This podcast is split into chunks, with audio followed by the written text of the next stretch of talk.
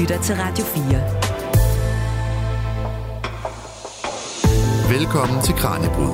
I dag med Julie Melgaard Harbo. Med de stigende fertilitetsproblemer, som øh, par i Danmark oplever, er løsningen for nogle par at bruge en surrogat eller en rogemor.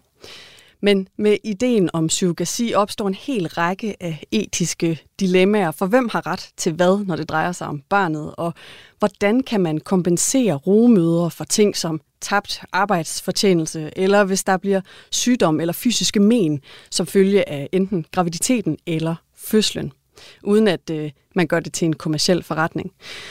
Den danske lovgivning på området, den er lavet i 80'erne, og den efterlader ikke forældreparet til et surrogatbarn med ret mange rettigheder. Og derfor så søger mange danske par til udlandet, når de leder efter en rumor. Og det skaber så en helt ny række af etiske dilemmaer. I dagens program der undersøger vi nogle af de her dilemmaer og prøver at finde hoved og hale i, hvordan rummoderskab ser ud i Danmark og hvordan det ser ud i andre lande, og hvilke potentielle løsningsmodeller, man kan kigge på, hvis man vil skabe bedre vilkår for både forældre og surrogatmødre i fremtiden. Mit navn er Julie Melgaard Harbo. Velkommen til Kranjebrud. Du lytter til Radio 4. Og med mig i studiet, der har jeg Malene Sørensen, der er læge og Ph.D.-studerende ved Aarhus Universitet. Malene er nemlig i gang med et projekt, hvor hun undersøger de her dilemmaer, der opstår, når, øh, når par har brug for en surrogat til at bære deres barn. Velkommen, Malene. Tak for det. Og måske vi skal starte sådan helt basic med at lige få styr på, hvad surrogasi er. Altså, hvad er det helt konkret, man gør, når man benytter sig af en, en rumor? Man siger, sådan som det foregår oftest på, E, det er, at selve graviteten, den bliver båret af en anden, og vi har det her fertile par.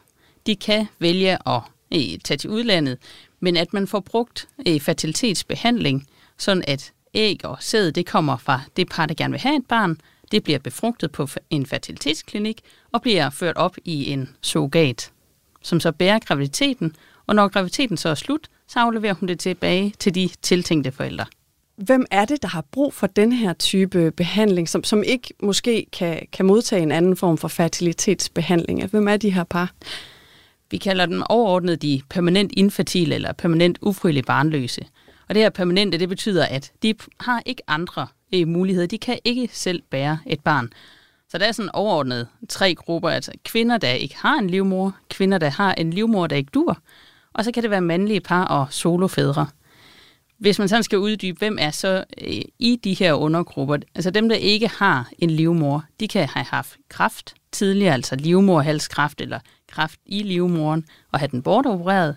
Det kan også være kvinder, der har været igennem en traumatisk fødsel, hvor der har været styrtblødninger, og derfor er den blevet bortopereret. Øh, du kan også være født uden en livmor, hvor du egentlig er kvinde, du har kromosomerne til det, du har din æggestokke, du kan egentlig på den måde reproducere dig, men du har ikke en livmor. Den blev ikke øh, skabt.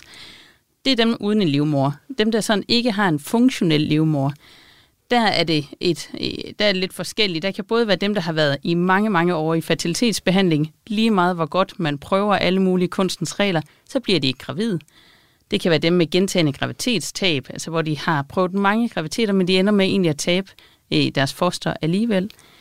Det kan også være, at øh, de har arvævfibromer. Noget, der gør, at, at den her graviditet den sætter sig ikke fast. Det kan også være under det, at de har en svær sygdom, som vil gøre, at det er livsfarligt for dem at bære den her graviditet. For eksempel, hvis de har svær hjertesygdom, som vil både bringe dem og barnet i fare. Så det er sådan de overordnede grupper i det. Og man kunne jo tænke, at der også var andre løsninger for dem. Altså hvorfor benytter par som dem her så ikke for eksempel adoption som et, øh, et måske, øh, måske nemmere alternativ til, til sådan rummoderskab? Det er også et spørgsmål, de ofte får. Øh, hvorfor ikke adoption?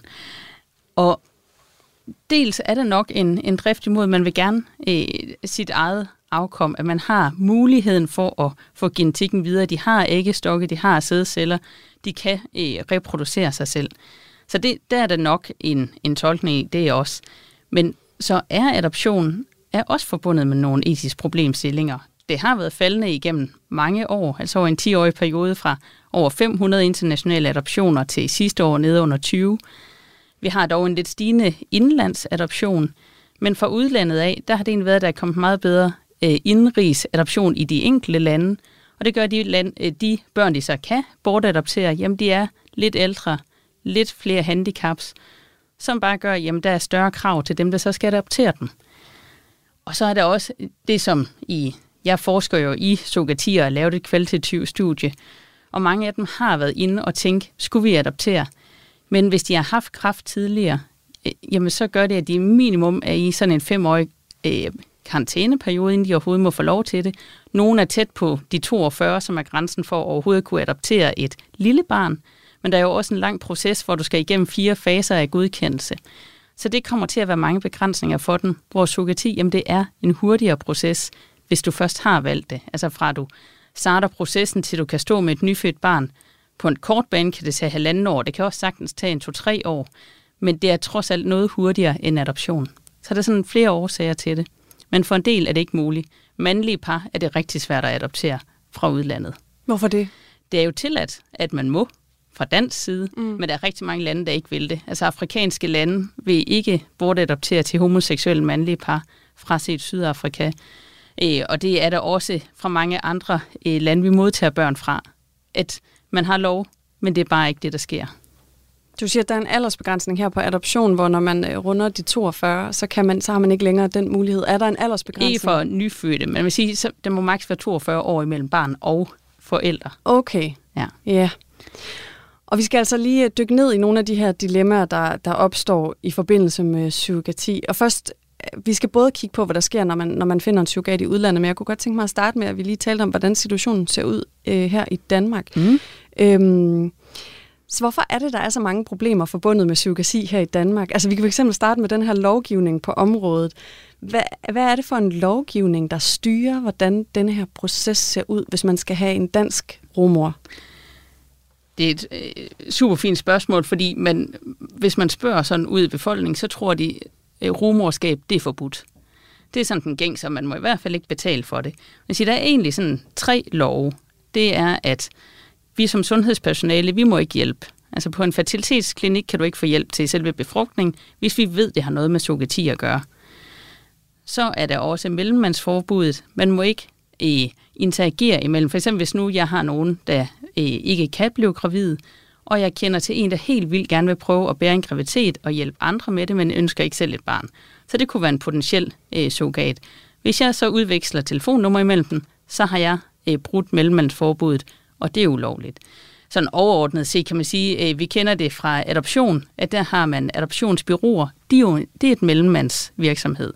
Men det er ikke tilladt i surrogati. Der må ikke være nogen, der hjælper den professionelle med at sige, hvad er reglerne, hvordan kunne det hænge sammen. Så det er nummer to forbud. Og så den tredje, det er, at øh, hvis man har en kontrakt, så er den ikke gyldig. Så hvis det så, du skal give os barnet, når du har født, så kan man ikke føre den til en domstol. Altså den kan aldrig være bindende så har det også været øh, en opfattelse af, at man må ikke have betalt for øh, surrogati, det er forbudt. Men det er egentlig ikke som sådan forbudt. Man får ikke en bøde eller en straf, hvis nu man har betalt en surrogat for at, at bære barnet. Det der i stedet for har været, det er et, øh, i 2020, der var der en højesteretsdom, som sagde, hvis du har betalt en surrogat, og det går man ud fra, at man har, når man har været i Ukraine eller USA, så får du ikke lov til at stedbarnsadoptere dit barn. Så den tiltænkte mor eller en medfar måtte ikke få lov til at stedbarnsadoptere. Det havde ellers været den gængse praksis. Så straffen, sådan i anførselstegn, i stedet for det bliver, at du på intet tidspunkt kan blive juridisk forælder for dit barn. Så det er sådan en livslang straf, men uden bøde som sådan. Øh, det er så blevet ændret, men det kan vi komme ind på øh, senere hen. Så her har det kun været faren, der har været, der har været forældre til det her barn, altså ja. gennem hele barnets liv, og så har det været romoren, der har stået som, som mor? Ja, sådan er det ifølge øh, dansk lov, at den, der føder barnet, det er den, der er mor, og den, der er som udgangspunkt er gift med den, der føder barnet, er far. Men den tiltænkte far, som så har brugt sit sperm til at befrugte ægget, den far kan så få lov til at sige, at det er mit DNA, der er brugt, det har jeg et bevis på, og så får man anerkendt sit faderskab. Men den, der måske er mor, og har brugt sin æggestok, altså den, øh, for eksempel hvis du har været igennem et kraftforløb, men du har stadigvæk din æggestokke, og så bliver de brugt, det betyder ikke noget i forhold til dansk lov. Altså, mors genetik betyder ikke noget, men fars genetik kan give et faderskab. Der er generelt meget skævhed på fertilitetsområdet imellem kønnene og, og hvem der ligesom hvem man har forsket i. Ja, og man kan sige, at det hele hænger jo helt tilbage til, hvor man ikke havde fertilitetsbehandling. For eksempel vores surrogatlov. Når det er fra 80'erne af, der havde vi ikke reagensglasbehandling.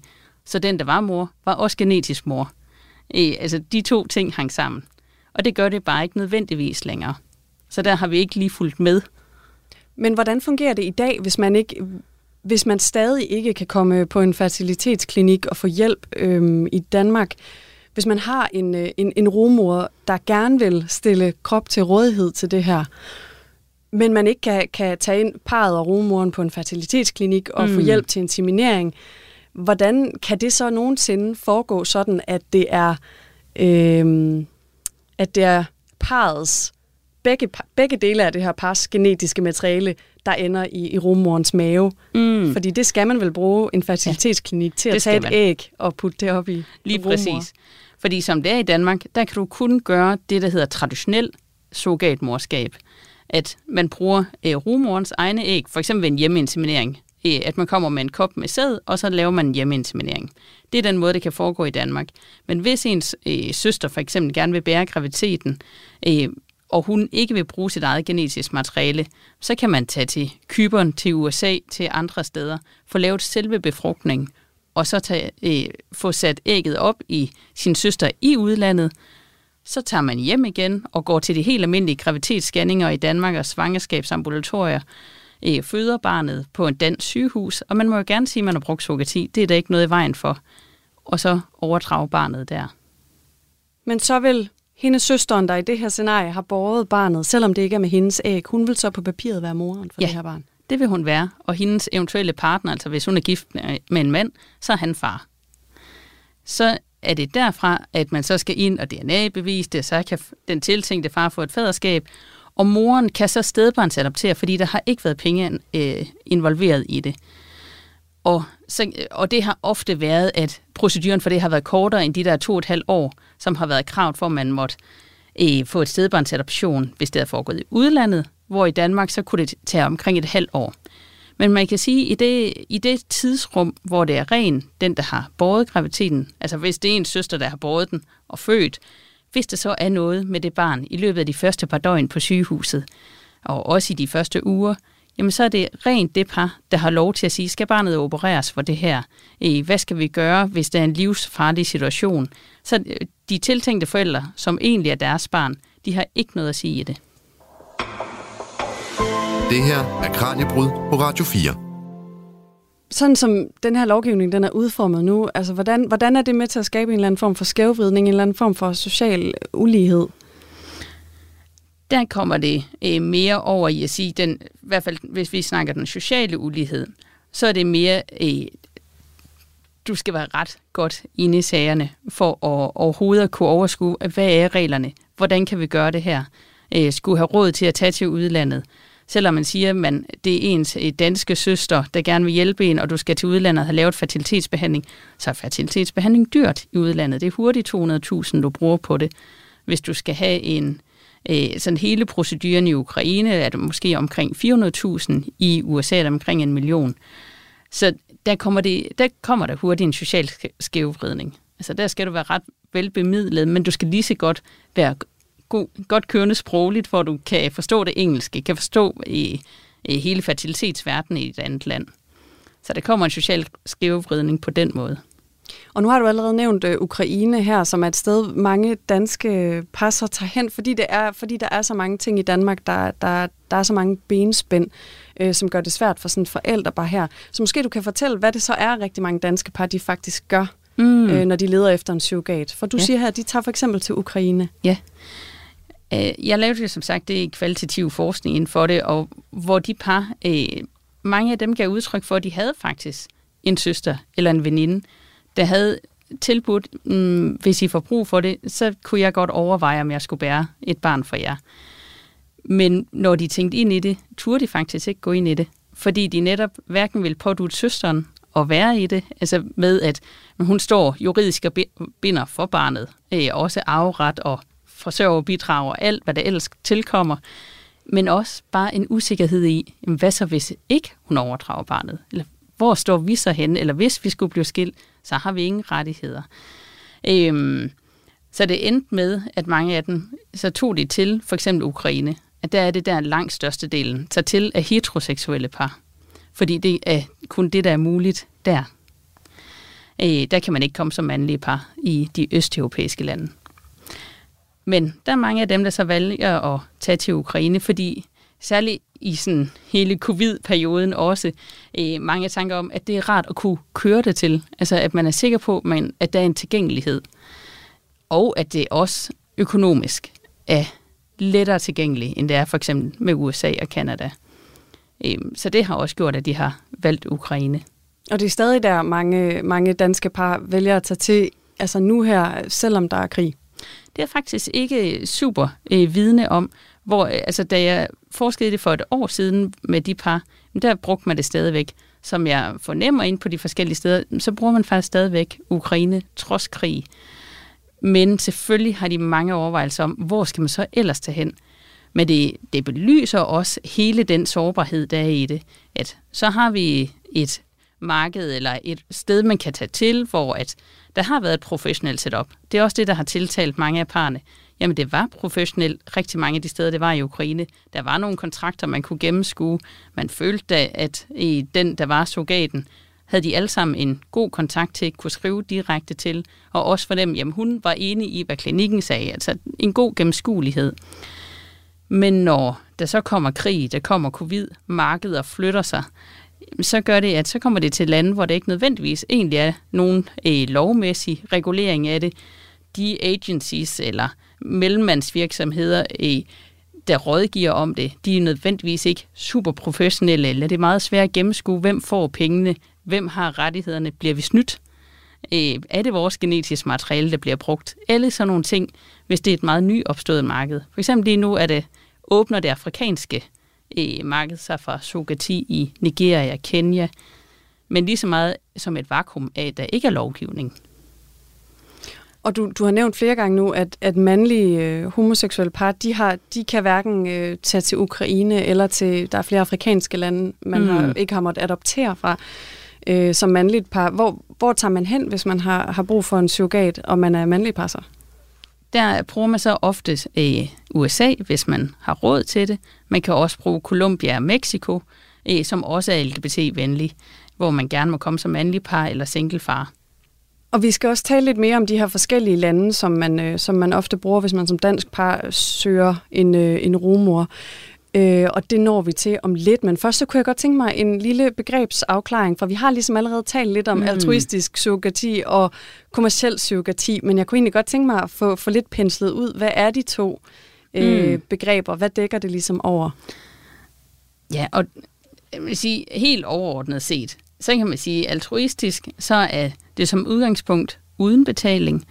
Men det er dog blevet gradbådet nu, så man kan få de direkte omkostninger betalt i mange af de lande, der vil kalde sig altruistisk surrogati. Så man kan få øh, dækket gravitetstøj, vitaminer, i behandling, i tabt arbejdsfortjeneste. Hvor de lande, hvor man kalder det kommersiel surrogati, er, hvor man får et direkte beløb for at have været surrogat, eller for at have båret graviditeten. Men det er nogle begreber, der begynder at blive blødt mere og mere op, og det er svært at sådan sige, øh, helt konkret, er det altruistisk, er det kommercielt, fordi man så også nogle gange får lov til at kompensere for at have båret graviteten, men det er mere nede i de symbolske beløber, end det er en, en direkte betaling for det. Så er det også sådan i forhold til, hvornår kommer betalingen, og hvordan foregår den. Skal du aflevere barnet, inden at, at du, har, øh, du får betalingen eller ej? Men overordnet set tænker man altruistisk, så får du uden penge, og kommercielt så går du med. Og de begreber er så efterhånden lidt udflydende. Man siger sådan en, intuitivt, så er der mange, der vil sige, altruistisk, det er det gode, og kommercielt, det lyder meget markedsdrevet og dårligt. Det lyder som, og, som, salg, som salg af ja. en kvindes øh, kropslige evne. Lige præcis. Ja. Øh, og det skal man også holde sig meget for øje hele tiden. Selvfølgelig skal det aldrig nogensinde blive handel med mennesker, og det skal vi for al verden undgå. Både at øh, en surrogat føler sig presset til at gøre det, øh, og at man føler sig øh, presset til at skulle afgive det her barn, og at barn skal aldrig være en handelsvare. Men det er egentlig ikke det, der ligger som sådan i, om det er kommercielt eller altruistisk. Det er mere den kompensatoriske del i det, øh, hvordan den så må, må blive givet. Og jeg kan godt se, at selvfølgelig glider, glider begreberne så mere over hinanden, over hinanden, hvis man er begyndt at tænke i, at det godt kan være altruistisk, altså frivilligt, øh, men hvor man ligesom får dækket nogle af omkostningerne ved en graviditet og fødsel, selvom man er romor. Ja, fordi man vil også, hvis nu man sagde, at det skulle være altruistisk surrogati i Danmark, der er etisk råd kom der øh, udtalt der sidste år, jamen 14 ud af 15 vil gerne se, at altruistisk surrogati, det kunne man godt se øh, blive indført med hjælp fra sundhedspersonale, men kommercielt, det skal ikke ske. At det, der er for stor risiko i forbindelse med det. Men hvis man taler tabt arbejdsfortjeneste og et symbolsk beløb til en dansk surrogat, så kan det hurtigt ende op i et ret stort beløb, hun egentlig skal have kompenseret for at have båret graviditeten. Hvor at en surrogat i Mexico eller Colombia måske får omkring 45.000 danske kroner i kompensation for at have båret den. Og det kommer nok ikke til at svare. Øh, altså, så beløberne er så svært at sammenligne. Øh, det kan man egentlig ikke rigtig gøre fordi der er så stor forskel i hele verden på, hvordan, hvor meget tjener man, hvor meget skal man have for at øh, kunne høre, føre en husholdning. Så, og, men det er egentlig det, der gør det super kompleks med international surrogati, fordi de, i det enkelte land kan det godt give god mening, den kompensation, de får, at den er størrelsesvarende øh, til, hvad, hvad der er rimeligt at give, uden at det bliver en stor motivator for at være en surrogat. Men for os kan det virke som peanuts, at de får det beløb. Ja, og så er vi tilbage ved noget, nogle af de dilemmaer, der også er i adoption, altså om man så ender med i rige og vestlige lande at udnytte øh, lande, hvor, hvor lønnen simpelthen er mindre, altså hvor du billigere vil kunne få, få adgang til en surrogat. Ja, og, og det er mere sårbart, ja. når man går internationalt. Det er sværere at forebygge. Det gør ikke, at det ikke godt kan forebygges, eller at det i langt de fleste tilfælde går godt, men det er meget sværere at håndtere det.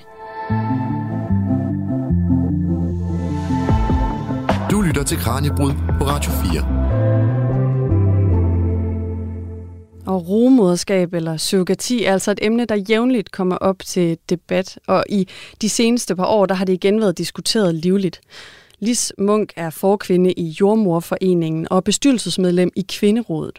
Hun har det seneste års tid været medlem af en ekspertgruppe, der har skulle se på modeller for kommersiel surrogati.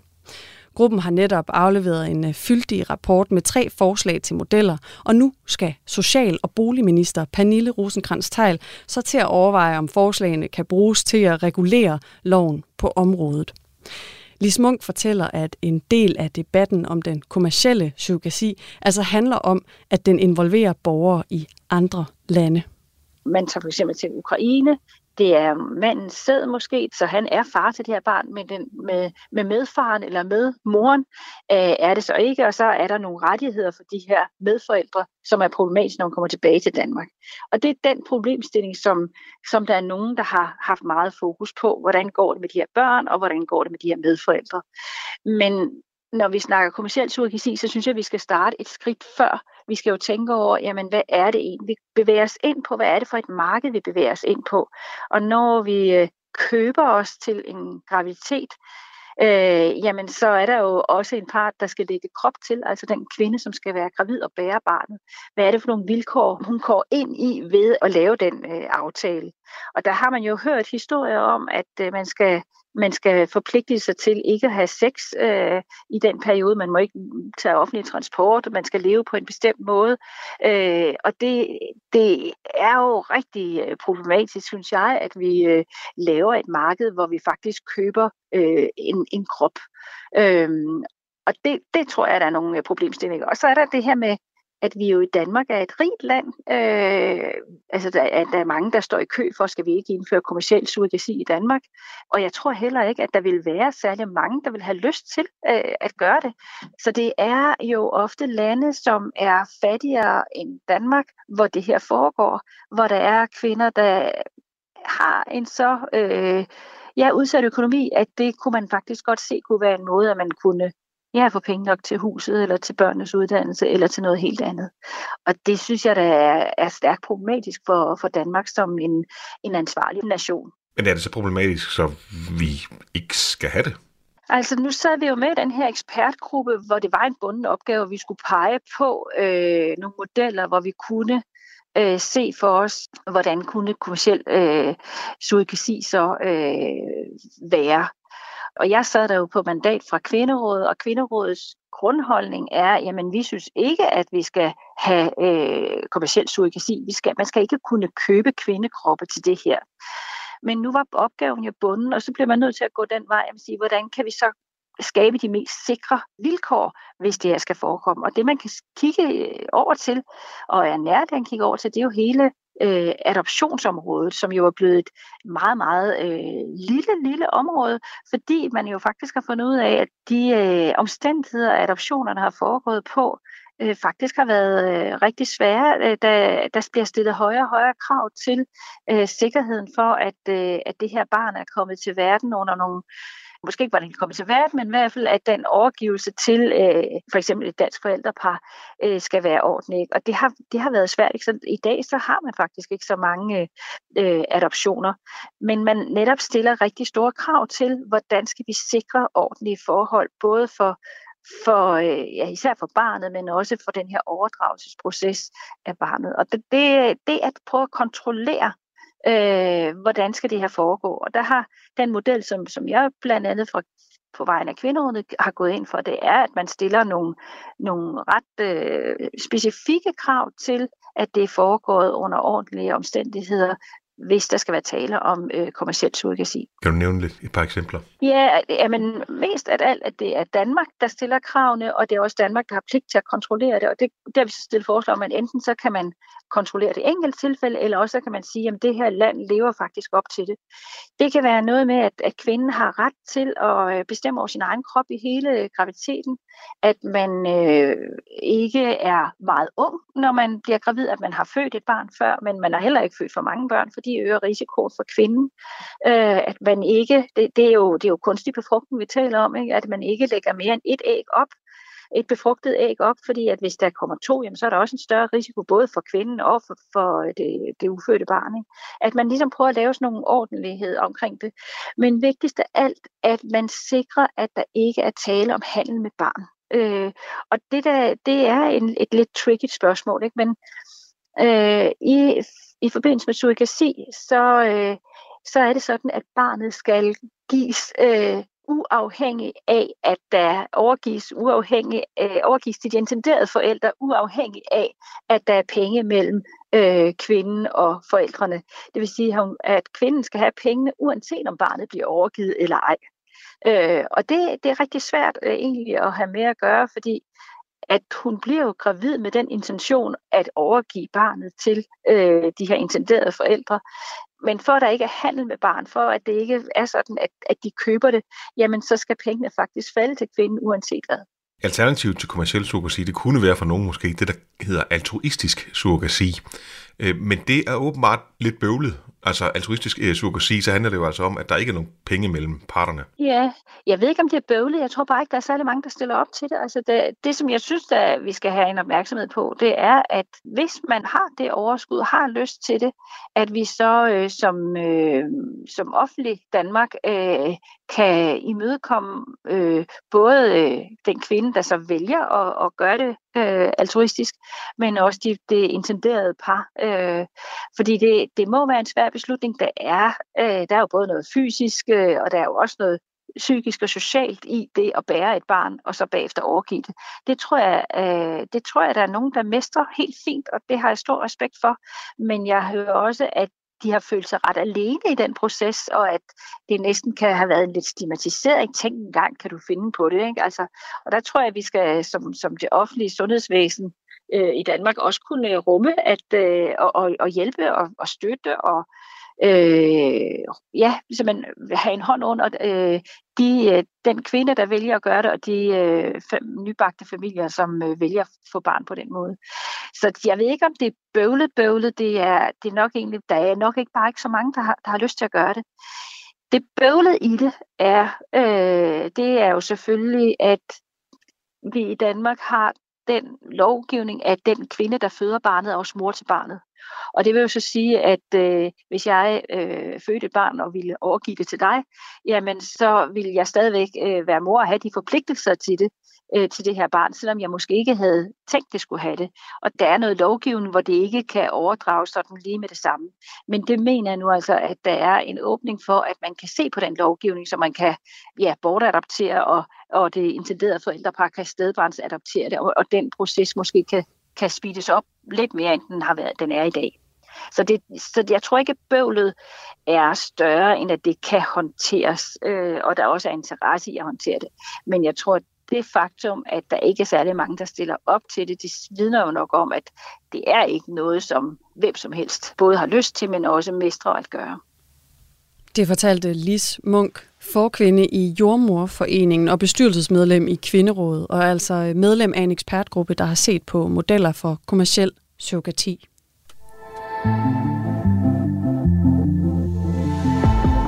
Du lytter til Kranjebrud på Radio 4. Mit navn er Julie Melgaard Harbo, og i dagens Kranjebrud, der undersøger vi de dilemmaer, der opstår i forbindelse med rugemoderskab eller psykati. Min gæst i studiet her i dag, det er Malene Sørensen, der er læge og Ph.D.-studerende ved Aarhus Universitet, og som altså netop er i gang med et projekt, der blandt andet undersøger de her dilemmaer. Lis Munk fortæller jo her om nogle af de øh, ting, vi allerede har øh, været inde omkring os, Malene. Øhm, og om ikke så længe, så skal vi også dykke ned i rumoderens, altså den fødendes rettigheder, og hvordan man eventuelt kunne sikre danske rumødre bedre kompensationsmuligheder i forhold til for eksempel sådan noget som tabt arbejdsfortjeneste, uden at indføre kommersiel surrogati i Danmark. Men først så kunne jeg godt tænke mig at høre, hvad du tænker om de her holdninger til kommersiel surrogati, som ekspertgruppen har fremlagt. Altså om det, som Lis hun fortæller her, Malene. Hvad tænker du umiddelbart jeg ved, det? Jeg ved, at øh, ekspertgruppen har været øh, ret splittet i det, men de har givet øh, tre, tre muligheder for at sige, man siger, det var, som Lis Munk også jo beskriver, en meget låst øh, opgave, de har fået, i at sige, hvordan sikrer vi forældreskabet til dem, der har brugt surrogati i udlandet og egentlig re- reelt kunne kigge på det. Øhm, og det Lise Munk øh, kommer ind på, jeg synes det er meget interessant, er tre muligheder, de egentlig har stillet op. Og der, hvor de deler sig, er jo netop, sådan den ene, idé er, at de skal have det her forældreskab lige fra starten, når de øh, kommer til Danmark. Det er ikke barnet, det skal sanktioneres imod, at det ikke får to juridiske forældre, derfor skal det få det. Øh, den næste er, at man skal kunne komme til en domstol og sige, det er os, der er forældrene, og så bliver man det. Og øh, det tager lidt tid, men der kan man dog stille lidt krav i det. Og den sidste, som Lis Munk også har øh, været en del af, model 3, det er, at man skal kunne stille krav til det enkelte land, som hun også beskriver, eller til klinik, altså man kan gøre lidt ligesom adoption, og sige, hvor det er tilladt fra. Øhm, sådan helt øh, grundlæggende, som hun også siger, det skal ikke være handel med øh, kvindekrop. Øh, at det skal vi for alt i verden undgå. Og det er jeg fuldstændig enig i. Selvfølgelig skal vi undgå det. Det er der ikke nogen, der er interesseret i. Man siger, det der sådan har været meget ryster om øh, og skrevet uendelig meget om, også i social science øh, og i videnskaben generelt set, med sogati, er jo også, jamen den her, at, at der er to forhold i det, at man har kvinden som et autonom væsen, og som vi jo også lige nu berører meget i Danmark. Vi har ret til vores egen krop. Hvis du er godt informeret, så har du ret til selv at bestemme, øh, om du vil donere en øh, nyre til en bekendt, øh, hvad du vil bruge din krop til, øh, om du vil tatovere dig, eller hvad du vil. At man har ret til selv at kunne bestemme over sin krop. Der synes jeg nogle gange, man kommer til lidt ved i, og sådan virkelig besky- i den gode sags øh, tjenester vil beskytte kvinden og sige, så skal vi jo ikke udsætte hende for surrogati. Altså det skal hun ikke have mulighed for, fordi øh, vi beskytter hende imod egentlig sig selv og sit eget valg. Men det er også lidt at sætte øh, kvinden i, du kan ikke selv tage et valg over, om du synes en graviditet, du bærer for nogle andre, som du måske kender, at det er for meget.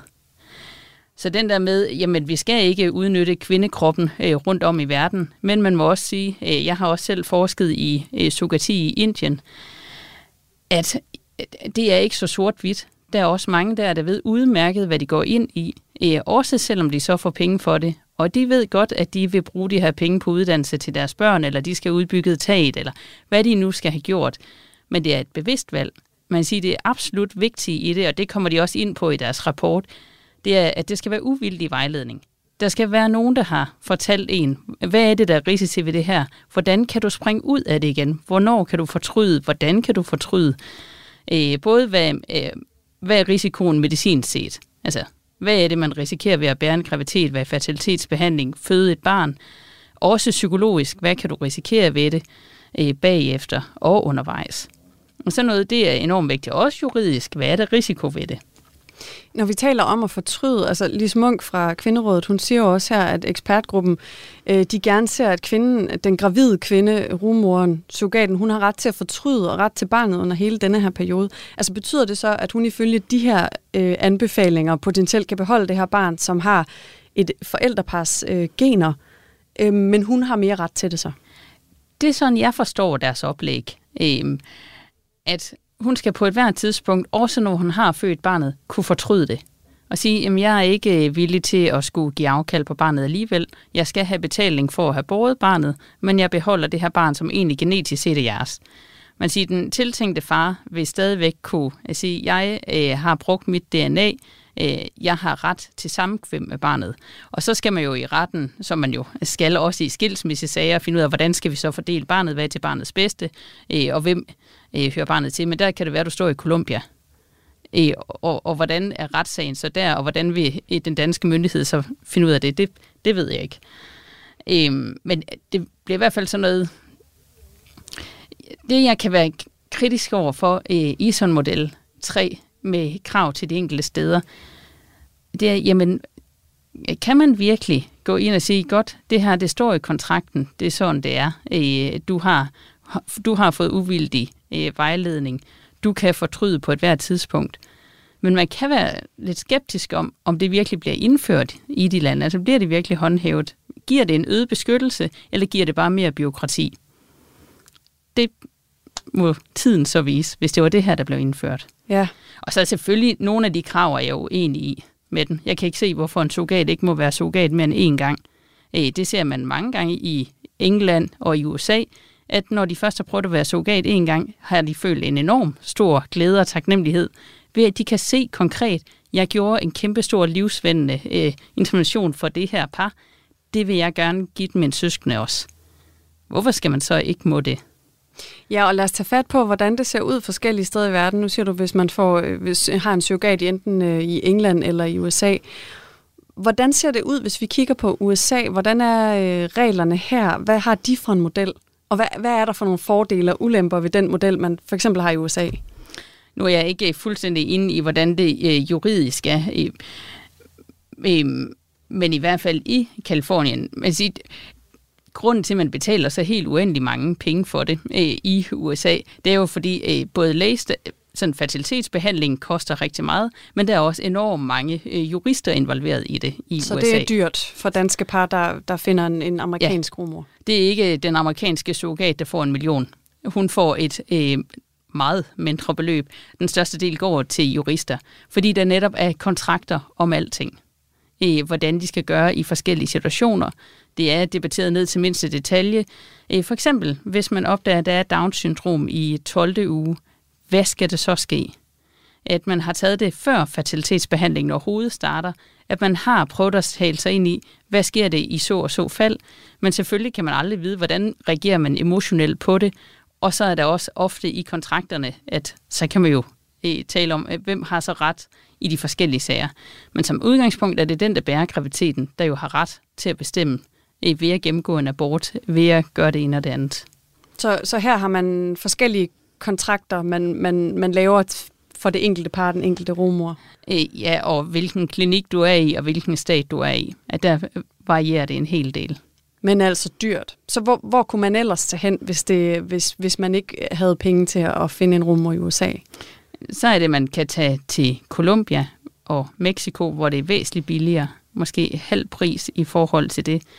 Øhm, hvor du øh, også kan, altså du har stadigvæk et stort udvalg også af ægdonorer, som jo også betyder, om det ligger ret, at de stadigvæk har kaukasiske donorer, eller hvad du nu selv øh, også er af, af hudfarve, som du eventuelt også kunne have ønsker om, øh, at du vil gerne have en ægdonor, der ligner dig. Øhm, og man kan tage til øh, Ukraine, hvor det jo også, som jeg sagde før, er nede i en, omkring en 400-500.000 per behandling med barn. Men sige, det der er i, i nogle af de her lande, som jeg også kan være kan være kritisk over for, at der nogle gange er det, der hedder en babygarantipakke, som jo virkelig sætter vores etik øh, helt ud på spidsen, hvor man giver et større beløb, men at man så også har en garanti på, at du får et barn i sidste ende. For nogle af de øh, par, jeg har interviewet, der var det også en øjenåbner for mig overhovedet at se på den anden side, fordi jeg har været meget kritisk om, at man kan aldrig garantere, at man får et barn. Nu er jeg jo selv på en fertilitetsklinik, at det ligger ligesom implicit, at det er noget, det er en gave, når det kommer, men vi kan ikke garantere det. Øhm, men at når man går ind øh, for parne her, øh, som jo mange af dem har været i årlang, hvor de ikke har kunne få børn, øh, kæmpe sorg igennem kraftbehandling, eller de har mistet børn undervejs, så det, at de lige pludselig kan få en garanti på, at vi får faktisk et barn, det er, det kommer til at blive virkeligt, har været en kæmpe ting for dem. Så der kan jeg sagtens se, for dem må det være enormt rart, at man kan garantere det. Men hvis man ser sådan etisk på det, så det, at der er en babygarantipakke, det gør, at de ofte har for eksempel to surrogatmødre.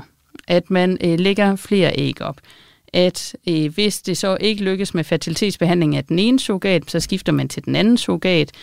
Øh, at hvis barnet er mindre end fire døgn gammel øh, efter fødsel, og det dør, så er du garanteret, at du kan starte gratis på en ny behandling. Og man siger, det er jo ekstremt sjældent, at sådan nogle sager her sker. Altså, børnedødeligheden er ekstremt lav, fordi vi jo har øh, højfertilitetsklinikker, gode fødeanstalter, øh, de her kvinder har båret et barn før, så er det lavrisikofødsler. Så generelt set er der meget lav risiko i det. Men hele det, at man overhovedet går ind og garanterer, at der kommer et barn ud af det, kan være kritisk overfor.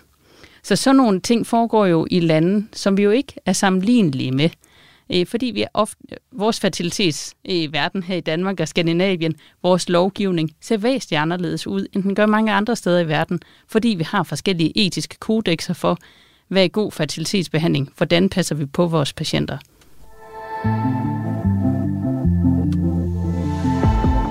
Du lytter til Kranjebrud på Radio 4. Og nu har vi jo talt om, hvordan øh, muligheder og begrænsninger og problemstillinger ser ud både i, øh, i Danmark og i forskellige andre steder i verden. Øh, og nu vil jeg gerne skue lidt fremad og tale om, hvordan mulige løsningsmodeller kunne se ud. Øh, hvis vi så skulle prøve at sørge for, at, at alle parter ligesom har de bedst mulige rettigheder i den her proces, det er jo meget svært, det er derfor, man ikke bare har gjort det. Øhm, så lad os tale om, hvordan det kunne se ud. Og lad os starte med forældrene, med de her forældrepar. Hvad er i din optik den største hurdle, den største udfordring, som det ser ud lige nu i Danmark, mm. øhm, hvis man skal sikre rettighederne hos de her forældrepar? Det er det, som ekspertgruppen har kigget på. Hvordan sikrer vi juridisk forældreskab både til den intenderede far og til den intenderedes fars partner, altså det er enten værende øh, den tiltænkte mor eller en medforælder. Det er helt klart øh, det, der for dem er det mest betydende. Øh, og også det, øh, i, jeg kunne se i mit forskning, at det, at man ikke kan få anerkendt sit forældreskab, bliver en stigmatisering og øger også tabuisering. Altså gør, at de ikke kan tale åben til øh, deres nabo om, at øh, ja, vores barn er skabt igennem sogati, gør, at der bliver en lysgighed, og det, og det tror jeg ikke, der er godt for nogen. Hverken for barnet, for vi ved, det er vigtigt, at det kender sit ophav, at det er en åben historie, men det er heller ikke godt for den, der øh, også gerne vil være en forælder, at man er anerkendt hele vejen igennem. Sådan en lille dum ting som øh, ved juridisk forældreskab, at du ikke havde gang til Aula. Det gør, at de hver eneste dag i komme gå modul ikke kan trykke, skal jeg komme hen barlet, eller det er en anden de finder nok en eller anden løsning, det vil jeg tro. Men bare det, at du ikke kan få lov til at være mor øh, derinde. At det er, og nogle af dem, så har det været øh, efter den der højesterets øh, sag, at så er det nogle af dem, der er gået på kommunekontoret og få, sagt, at det er mig, der har båret barnet. Jeg har født det her barn, og fået på den måde sådan en falsk registrering af et moderskab. Men det betyder, at de på papiret er mor, men egentlig, når alt kommer til alt, så er det et moderskab, de kan miste igen. Hvis de har en dårlig øh, nabostrid, og naboen finder ud af det og går til kommunen og siger det, kan det moderskab gå væk. Hvis man står i en skilsmissesituation, og den er rigtig træls, så kan far øh, stå ren med rettighederne og bare sige, jamen du er ikke mor. Og så kan den, øh, det moderskab forsvinde igen. Så det, det er meget, øh, det er unødig øh, stigmatisering af øh, forældreskab. At det er ikke på den måde, jeg umiddelbart ser, at det er den mest fornuftige måde at sanktionere, at de har været i udlandet og brugt surrogati. Så det er det, der sådan står højt for, for de, de juridiske forældre. Ja, og hvis eller vi så... for forældre, intenderede forældre. Ja, og hvis vi så skal kigge på, hvordan, øh, hvilke, hvilke store udfordringer der er i forhold til at sikre surrogaten, rumoren, øh, når nu rumorskab i Danmark er det her altruistisk, det frivillige og ubetalte, øh, som vi har talt om, hvilke udfordringer er så de største i forhold til at sikre rumorens øh, ved og vel, altså for eksempel i forhold til mm. sygdom under graviditet, fødsel, fysiske men efter fødsel, ja. tab af arbejdsfortjeneste osv. Der er jo en masse øh, ting her, som man stadig arbejder på at finde løsninger på. Altså, hvordan, øh, hvordan kunne man sikre rumoren bedre i den her proces? Man kan sige, at hun kan næsten kun blive sikret bedre, end vi har det nu. Altså lige nu står hun i, med det fulde forældreansvar. Hun kan ikke få vejledning nogen steder fra, og vi har heller ikke screenet hende. Vi ved faktisk ikke, om hun øh, sikkert kan bære en graviditet. Øh, det oplever jeg også som fødselslæge, at det ikke altid, at dem, der øh, er gravide og er gravide for anden gang, at de faktisk ved, hvad for en øh, fødsel var de igennem første gang? Var det en risikofødsel eller ej? Hvor syg var du egentlig lige den sidste ende? Fordi det hele lykkedes godt, og de blev velbehandlet, og så var der måske ikke mere i det. Så der, det er så vigtigt, at de bliver screenet, fordi man ikke altid ved, at jeg er en lavrisikofødsel. Øh, har jeg lav risiko i at gå ind i en ny graviditet, eller er der noget, der skulle tage højde for? Men ikke kun sådan fysisk screening, men at man også psykisk bliver screenet. Altså ved du, hvad det her det betyder? Øh, hvordan har du det øh, i dit parforhold? Hvordan øh, er du sådan settled generelt set? Altså har du nogle gode omsorgspersoner rundt om dig? Øh, og hvordan, øh, ja, hvordan vil du takle den her situation? Ja, for det må jo betyde utrolig meget, hvis man for eksempel har haft en graviditet og fødsel før. Hvordan den fødsel så lige har været, det må jo betyde helt vildt meget for, om det er en opgave, man øh, har kræfter til at løfte. Ja, øh, og man ved, hvad man går ind til. Så jeg vil sige, for overhovedet at kunne snakke om og sikre en surrogat i Danmark, så skal man have et screeningsværktøj. Og det er ikke kun screening af øh, surrogaten, det er også screening af dem, der er de tiltænkte forældre. Det har vi jo også allerede nu i fertilitetsbehandling, øh, den, hvor man ser, er der en forældreegnethed? Altså, er der, øh, eller har de været øh, straffesager? Eller, altså, hvad har der ligget forud? Man siger, det er jo ikke, fordi det er en, en, en stor vurderingsorgan, vi egentlig har i fertilitetsbranchen. Men det er dog en sikring af, at, at, at det ikke er et barn, der i hvert fald ikke skal være ved de her forældre. Og så når man som gravid nærmer sig barselen, nærmer sig fødslen, øh, så har man jo en barselsperiode, både før og efter fødslen. Den barselsperiode har man jo ikke, som det ser ud lige nu, hvis man er rumor, fordi den barsel tilfalder jo forældrene, eller de tiltænkte forældre. I hvert fald, når hun har sagt, at hun, når hun frasiger sig barnet efter fødslen. Ja. Men sige, hun har jo den øremærkede barsel til mor, så hun har barselen op til graviditeten, eller op til fødslen, og hun har den også indtil hun har frasagt sig den. Men hvis hun frasiger sig den sådan ret hurtigt efter fødslen, jamen så for, forsvinder barselen også. Og den øremærkede barsel til mor, den forsvinder så. Øh, og så har de den barsel, som, til, øh, som far kan få, øh, og også den fælles barsel. Ja, for man er, de nye regler, man er ved at lave nu, Ja, her, øh, som jeg forstår reglerne, så her til januar 24, der bliver det, så man kan få lov til at overdrage den ikke øremærkede barsel til en, et nærtstående familiemedlem eller en nær omsorgsperson. Og der vil det jo være oplagt, at man så kan give noget af sin barsel til tiltænkte forældre. Altså at den mor eller medfar, der gerne vil have forældreskabet. Man siger lige en krølle, jeg ikke fik nævnt der før, til øh, hvordan sikrer vi øh, forældreskabet til, øh, eller hvilken interesser er det for de tiltænkte forældre. Der er det lige for de mandlige par, at øh, medfæderskab jo ikke har fandtes indtil nu, at vi har medmoderskab og moderskab og faderskab, men ikke medfaderskab. Så de har egentlig været sådan, at de kunne ikke krydse af på nogen blanket, at de er en medfar. Og man siger, at i 2012 kom medmoderskab, men der kom medfaderskab ikke med, fordi man sagde, hmm, hvor skal de her børn komme fra? Og så bliver vi nødt til at kigge på sugati, øh, og derfor kom det ikke med. Men øh, der kom jo så et borgerforslag sidste år, og som jo også, øh, og den fik meget, meget hurtige underskrifter øh, på to døgn, alle de der 50.000 stemmer, eller underskrifter, og har også gået fuldstændig glat igennem i Folketinget, at det skal være til et lovforslag. Og nu afvender man, at regeringen jo så skal tage det op så medfaderskab bliver indført. Men i kølvandet på det kommer også, hvor kommer børnene fra, når nu adoption er så lav? Så kan det jo også være for regnbuefamilier, men der skal man jo også kunne indføre, at man må være mere end to juridiske forældre. Fordi ellers så er det den, der er mor, og den, der er øh, far, eller den, der er født, og den, der er far, der får forældreskaberne.